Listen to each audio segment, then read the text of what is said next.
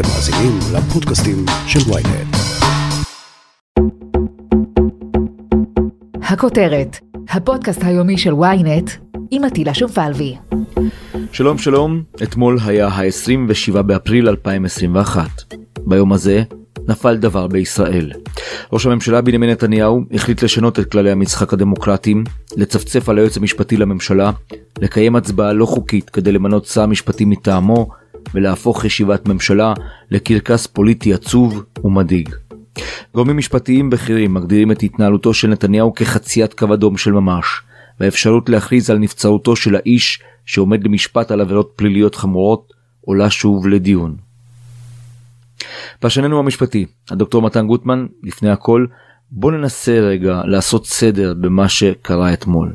במה בעצם חזינו בישיבת הממשלה.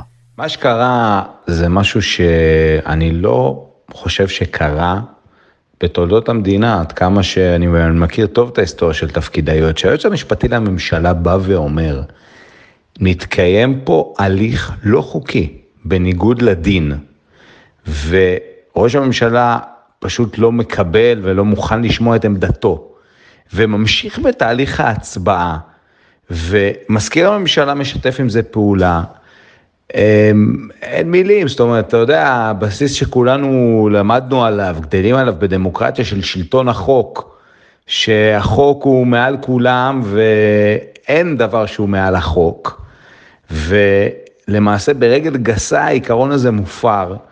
זה דבר שהוא מסוכן, ואנחנו, אה, זה, זה בהחלט נורה אדומה. וזה משהו שלא אמור לקרות. ואני מדבר רק על הסיפור הזה של הפרוצדורה, של, של, של הסוגיה שהיועץ המשפטי בא ואומר שיש משהו לא חוקי, ובכל זאת ממשיכים כאילו לא קרה כלום. לגופם של דברים, עטילה, הדברים די פשוטים, ואני לא יודע אפילו מדוע אפילו מעוררים איזושהי סוגיה משפטית סבוכה. חוק היסוד המוזר, המשונה, שיצרו לנו נתניהו וגנץ ביחד, הם יצרו לנו את היצור כלאיים הזה של ממשלת חילופים שאין באף מדינה בעולם, הם קבעו, הם יצרו לנו תבשיל שבו כתוב בסעיף 13 א' ד' שיש כוח הצבעה שווה לשני הגושים בממשלה הזאת. מה זה אומר? הפריטטיות הידועה. היינו, לא משנה האם בצד של גנץ יש רק בין שר אחד, שניים או שלושה, ובצד השני יהיה שלושים שרים, עדיין כוח הצבעה שווה וזהה, ולכן לא יכולה לעבור החלטה. יתרה מכך, יש החלטת ממשלה. ממאי שבאה ואומרת שכל סוגיה תבוא לדיון בממשלה באישור של שני הצדדים, של ראש הממשלה וראש הממשלה החליפי. זאת אומרת, החוק כל כך ברור, זה אפילו לא משהו שנתון לפרשנות. והיועץ המשפטי אמר את הדברים הברורים מאליהם, שאנחנו גם מכירים אותם, שזה ממשלה פריטטית, הרי ראש הממשלה כל הזמן אמר, אני נמצא בממשלה פריטטית, ממשלה בתוך ממשלה. הם יצרו את זה, זה המצב, ובלי ההסכמה של שני הצדדים, אי אפשר להעביר שום דבר, אז ברור שהמינוי הזה הוא לא חוקי.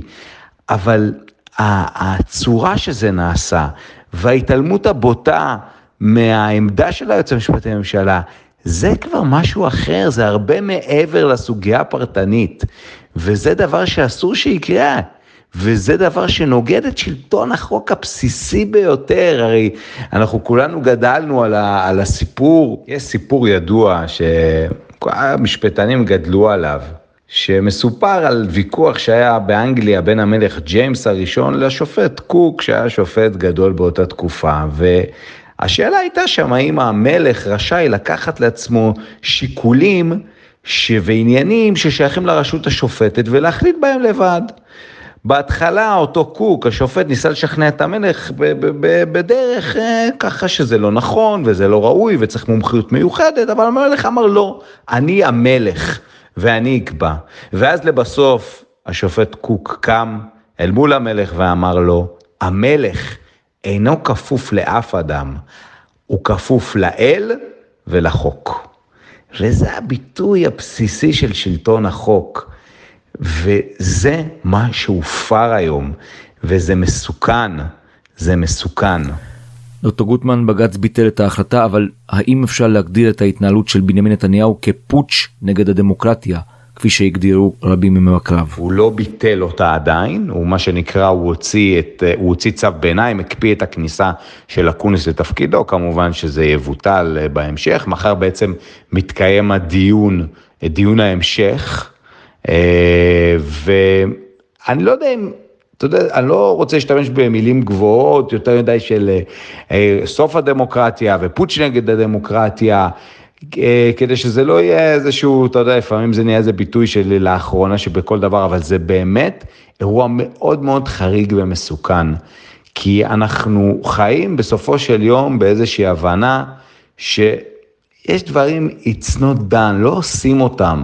לא, ראש הממשלה לא מהסה את היועץ המשפטי לממשלה ולא נותן לו לשטוח את טענותיו המשפטיות ולא מתעלם מעמדתו המשפטית. ואני מקווה, ואני באמת, למען כולנו, שלא נגיע שבג"ץ יוציא צו, והוא לא יקיים. היה לנו את זה ב, ב, ב, בסבב הקודם אל מול הכנסת, אל מול יולי אדלשטיין. וחלילה שנגיע לזה עכשיו. אה, שיהיה לדוגמה צו שחייבים למנות אה, שר משפטים תוך 24 שעות לאלתר, ופשוט הממשלה וראש הממשלה לא יקיימו את זה. ואני מתפלל באמת שלא נגיע לרגע הזה, כי, כי זה משבר חוקתי שלא היה כדוגמתו, אה, כי בסופו של יום לבית המשפט אין טנקים, אין אה, אה, משטרה שיכולה לכפות בכוח, אה, וחלק מהדברים, ואם הרשות המבצעת ו- וראש הרשות המבצעת והשרים ברשות המבצעת לא מקיימים את פסיקות בית המשפט, אז מה יגיד האדם מן השורה, שיתייחס אחר כך להוראות של בית המשפט. אה, ולכן אני מאוד מקווה שאנחנו לא נגיע באמת אה, לרגע, כי אנחנו נמצאים על סיפו. של משבר חוקתי שלא היה בתולדות המדינה בתקופה מאוד רגישה של הרכבת ממשלה, של חילופי שלטון, מאוד מאוד לא בריא שאנחנו נמצאים בכל הסיטואציה הזאת. לא בריא לחברה שלנו, לא בריא לדמוקרטיה שלנו, ואני מקווה שהממשלה, וגם על מה אנחנו מדברים, על, על מינוי של שר משפטים לתקופה קצובה של אה, חודש ימים עד שתהיה פה ממשלה חדשה, שבינתיים הוא יקיים את הדברים הדחופים כל כך שהוא חייב לחתום עליהם, כמו, כמו, כמו הסוגיה הזאת של העברת האסירים. אה, הבלתי מחוסנים, שהם לא יצטרכו לעבור פיזית ויוכלו לקיים בעצם דיונים בהיוועדות חזותית. אז על מה אנחנו מדברים? על מה הוויכוח פה? ולכן אני מקווה שכולם יתעשתו ובמהרה. האם באמת ניתן לסתום ליועץ המשפטי לממשלה את הפה? כמו שאמרתי, אטילה, אי אפשר לסתום ליועץ המשפטי לממשלה את הפה. היועץ המשפטי לממשלה הוא ראש וראשון לשומרי הסף של הרשות המבצעת. הוא, תפקידו להגיד לממשלה מה החוק. הוא היועץ המשפטי. הוא לא קובע את גוף הדברים, את גוף ההחלטות, אבל הוא צריך להגיד לממשלה מה החוק, מה הדין. עכשיו, אה, מה, תראה לאן הגענו, תראה את מחוזות האבסורד, אטילה, שהגענו אליהם, וזה מחוזות האבסורד המסוכנים. אם בשלב הקודם היה לנו טיעונים שבאו ואמרו, בואו נקרא לזה, תראה איך אומרים, המחנה השמרני, שבאו ואמרו, תראו, היועץ המשפטי לממשלה, היועצים המשפטיים לא אמורים לקבל החלטות בשאלות משפטיות ערכיות. לדוגמה, באיזון בין זכויות האדם לבין ביטחון המדינה, זה לא התפקיד, כי יש פה שאלות ערכיות, זה לא התפקיד של הייעוץ המשפטי, זה התפקיד של הגורמים הנבחרים. או לדוגמה בשאלה האם החלטה מסוימת היא החלטה סבירה, האם ההחלטה של הממשלה למנות מישהו, האם זה סביר או לא סביר, השיקולים של הסבירות, כן, האם הוא ראוי או לא ראוי, לגופו של אדם, לגופו של עניין. מבחינת תוכן ההחלטה, לא הפרוצדורה. אז אפשר באמת להתווכח, ויש טיעונים לפה ולפה, האם בשאלות כאלה משפטנים, הייעוץ המשפטי צריך להתערב? אני חושב שכמובן כן, אבל אפשר לנהל ויכוח ענייני, ואנחנו מנהלים את הוויכוח הזה, וזה בסדר גמור, וזה לגיטימי לחלוטין. אבל עד היום, מטילה, אני לא שמעתי מעולם שבא ואומר שליועץ משפטי אין סמכות לקבוע בעניינים של פרוצדורה? עד איפה הגענו של פרוצדורה של הצבעה? על מה אנחנו מדברים? הרי זה א' ב' של ייעוץ משפטי. כל חברה קטנה שהיא דירקטוריון, מתייעץ עם עורך הדין שלו איך הוא צריך לקבל את ההחלטה, נגיד בעסקת בעלי עניין או איזושהי עסקה שהחברה עושה, איך צריך להצביע, מי צריך להצביע, האם צריך רוב, האם צריך אישור דירקטוריון? או צריך אישור גם של אספה כללית, או כל פרוצדורה אחרת. הרי זה א' ב' של ייעוץ משפטי, הוא אומר לך מה החוק מבחינה פרוצדורלית, לא על התוכן, על הפרוצדורה. אומר היועץ המשפטי, יש פרוצדורה שנקבעה פה והתעלמו ממנו, ואומרים, הוא לא מכריע. תגיד, עד איפה הגענו?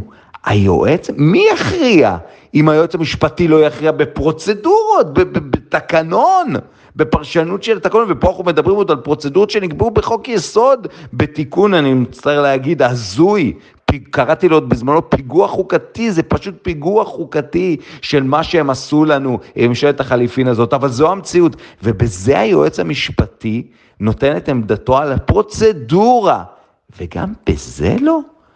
עד איפה הגענו?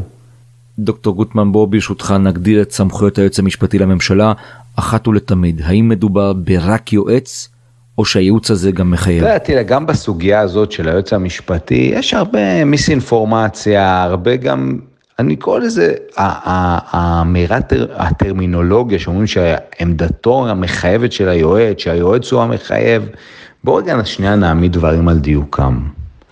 לא היועץ המשפטי הוא המחייב, אלא הדין הוא המחייב, החוק הוא המחייב. הרי אנחנו יוצאים מתוך נקודת הנחה, כולנו רוצים לצאת, וגם הממשלה וגם ראש הממשלה, יוצא מתוך נקודת הנחה שהממשלה חזקה עליה שהיא רוצה, רוצה לפעול על פי החוק. זו, זו למעשה נקודת המוצא של, של, ה, של, של העשייה הציבורית, שהממשלה פועלת לפי דין.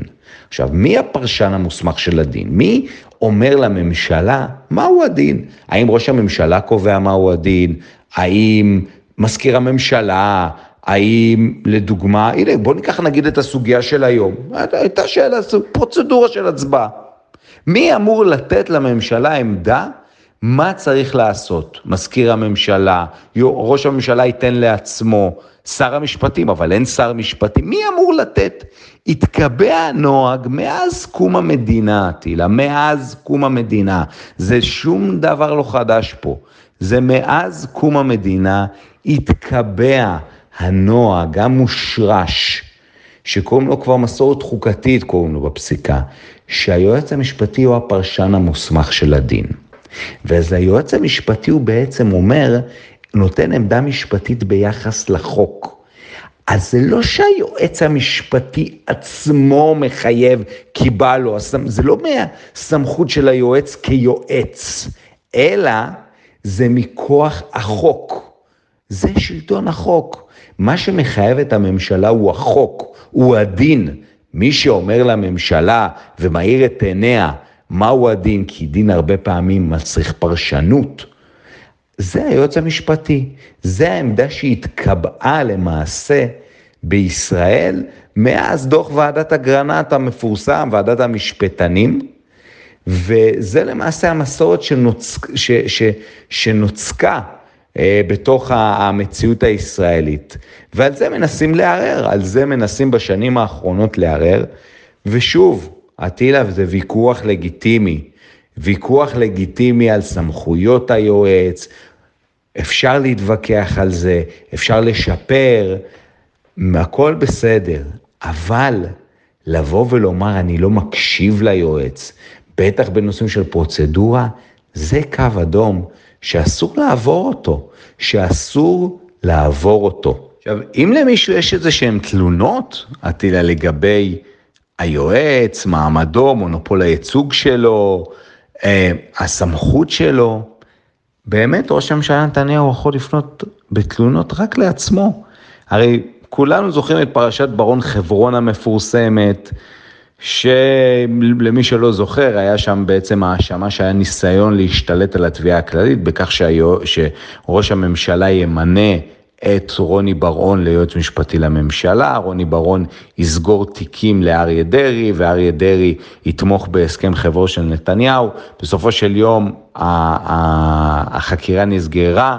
אבל אה, בדוח שפרסם אז היועץ, אה, היועץ המשפטי בעצם נאמר שהועלו חשדות חמורים מאוד שלא כולם באמת נוקו. ובעקבות כך מה שנהיה ועדת שמגר, שוועדת שמגר בעצם קיבעה את אותם, כל אותם עקרונות ביחס ליועץ. מי אימץ, מי אימץ את דוח ועדת שמגר וקבע את כל הכללים לגבי היועץ ולא הביע שום הסתייגות? ממשלת נתניהו הראשונה. בשנות ה-90, בשנת 98, אז, אז בואו רגע גם נהיה כנים, כאילו הסוגיה הזאת של, יש פה פוט של היועץ ופוט של בג"ץ ואהרון ברק מגיעים ועל מי זה?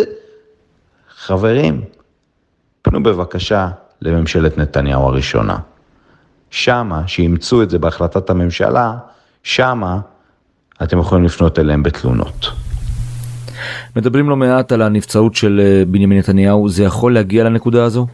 אה, אין ספק שמה שקרה היום אה, כביכול מעלה את הטיעון ומחזק את הטיעון שיכולים לבוא ולטעון, וכבר ראיתי שכמה עמותות ואני חושב התנועה לאיכות השלטון, או אני לא זוכר, שומרי הדמוקרטיה, הם כבר פנו בעצם בסוגיה של הנבצרות.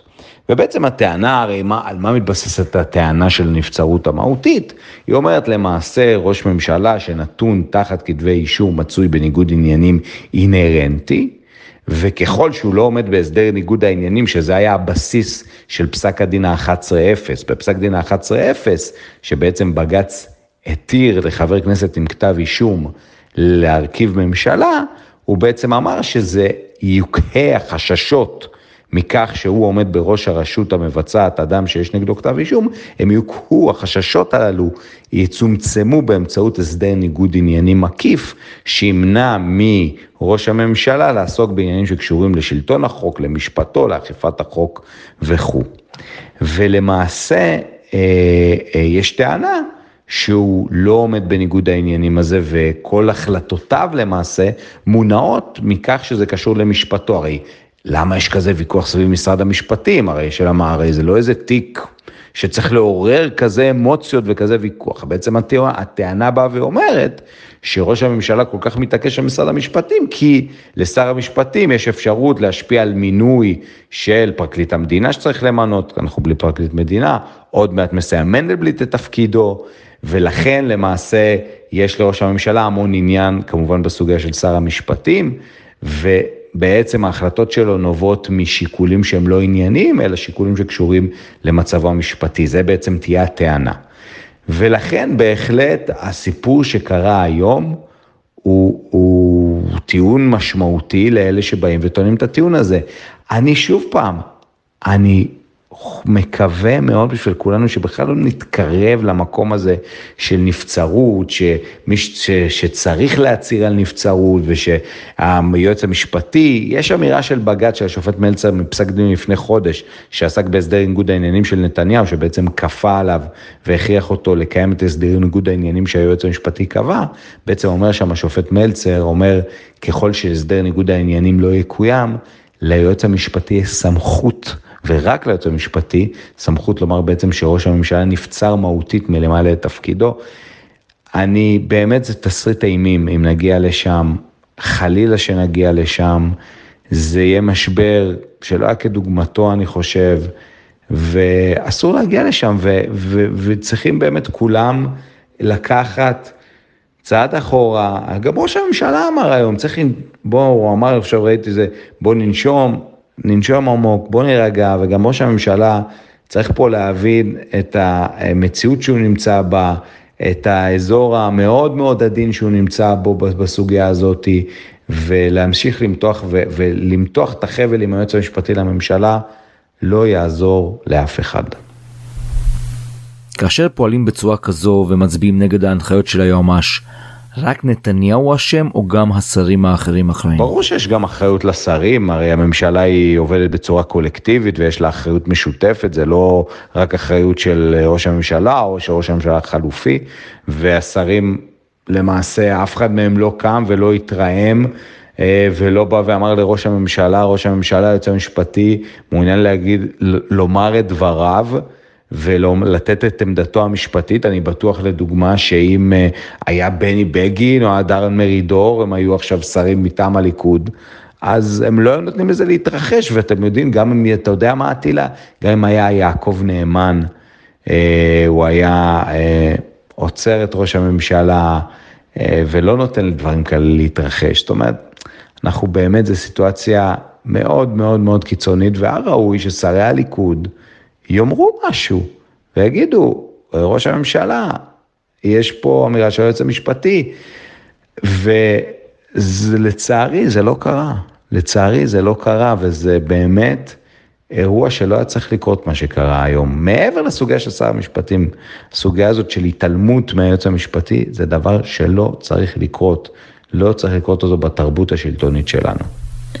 מה לגבי ההסכם בין נתניהו לגנץ? האם חותרים כעת לחסלו? זה ברור שהם רוצים לבטל את ה... כביכול את ההסכם. ההסכם יכולים לרצות לבטל אותו, לבטל אותו, ממילא לא קיימו רבים מסעיפיו, אבל אנחנו לא מדברים בעצם על ההסכם וגם עלה איזשהו טיעון של, של אמיר אוחנה, שמעתי שההסכם נגע לכנסת ה-23, הממשלה הזאת הוקמה אכן בכנסת ה-23, אבל היא כמובן ממשיכה לתפקד עד אשר תושבע ממשלה חדשה, ולכן זה לא רלוונטי הטיעון, אבל אנחנו גם לא מדברים על ההסכם עתירה, כמו שאמרתי, אנחנו מדברים על שינויים שהוכנסו לחוק היסוד, הרי ההסכם הזה שנחתם בין גנץ לנתניהו, פרטיו הוכנסו לחוק היסוד, חוץ מהפרצה שהושארה, שבגללה כולנו נמצאים פה היום בסיטואציה הזאת, הפרצה שקשורה לתקציב. שבכך שאין תקציב זה מתפזר בעצם לפני הזמן. אם היו סוגרים גם את הפרצה הזאתי, למעשה היינו בממשלה והיא הייתה על טייס אוטומטי וגנץ היה נהיה, הופך לראש ממשלה בנובמבר, אבל הפרצה הזאת הושארה שמה, חרף זה שהיא אה, נכתבה בהסכם, אבל היא לא הוכנסה לתוך חוק היסוד, ולכן אנחנו נמצאים בבחירות. אז בואו בוא, שוב פעם, נגיד את הדברים על דיוקם. הטענה היא לא שהופר ההסכם הקואליציוני, זה לא מה שרלוונטי עכשיו כרגע. אולי זה רלוונטי במישור ציבורי, אבל הטענה היא שבעצם לפי חוק יסוד, לפי החוקה שלנו, לפי חוק היסוד, יש לנו ממשלה פריטטית שהכל צריך לעשות בהסכמה. זה המצב. והזיקה של שר המשפטים כפי שהממשלה הזאת הושבעה בכנסת, היא זיקה לגוש של כחול לבן, ולכן מי שאמור למנות זה גנץ. עכשיו, אבל יותר מזה, אתה יודע, גם נלך למחוזות האבסורד בכלל. גם אם נגיד שאקוניס כאילו מונה, נגיד שהוא כאילו מונה, הרי לפי חוק היסוד, לראש הממשלה החליפי יש סמכות לפטר את השרים שנמצאים בזיקה אליו. שר המשפטים הוא בזיקה אליו, אז בעצם הוא יכול למנה, ומחר בבוקר גנץ יפטר אותו. זאת אומרת, אנחנו נמצאים עכשיו, עכשיו, שוב, מי שאשם בזה, אי אפשר, בסיטואציה שאנחנו נמצאים בה, זה גנץ ונתניהו במידה שווה. בפיגוע החוקתי שהם עשו לנו, ושעושים פיגועים חוקתיים, זה מה שקורה. זה מה שקורה, כי לא חושבים על כל הדברים ועושים את זה בן לילה, שינויים חוקתיים משטריים. אמ, אבל לצערנו, המציאות שלנו היא באמת מציאות שהיא קשה. בשנתיים האחרונות, מערכות בחירות חוזרות, שינויים חוקתיים, משברים חוקתיים שחוזרים על עצמם. אמ, ואני מקווה שהתקופה הזאת תסתיים, כי היא בהחלט לא טובה אה, למדינה, והלופ הזה של בחירות ובחירות אה, הוא דבר שהוא לא בריא, יחד עם כל המציאות המשפטית-חוקתית. פרשננו המשפטי, הדוקטור מתן גוטמן. תודה רבה. תודה רבה גם לך, אטילה. תודה.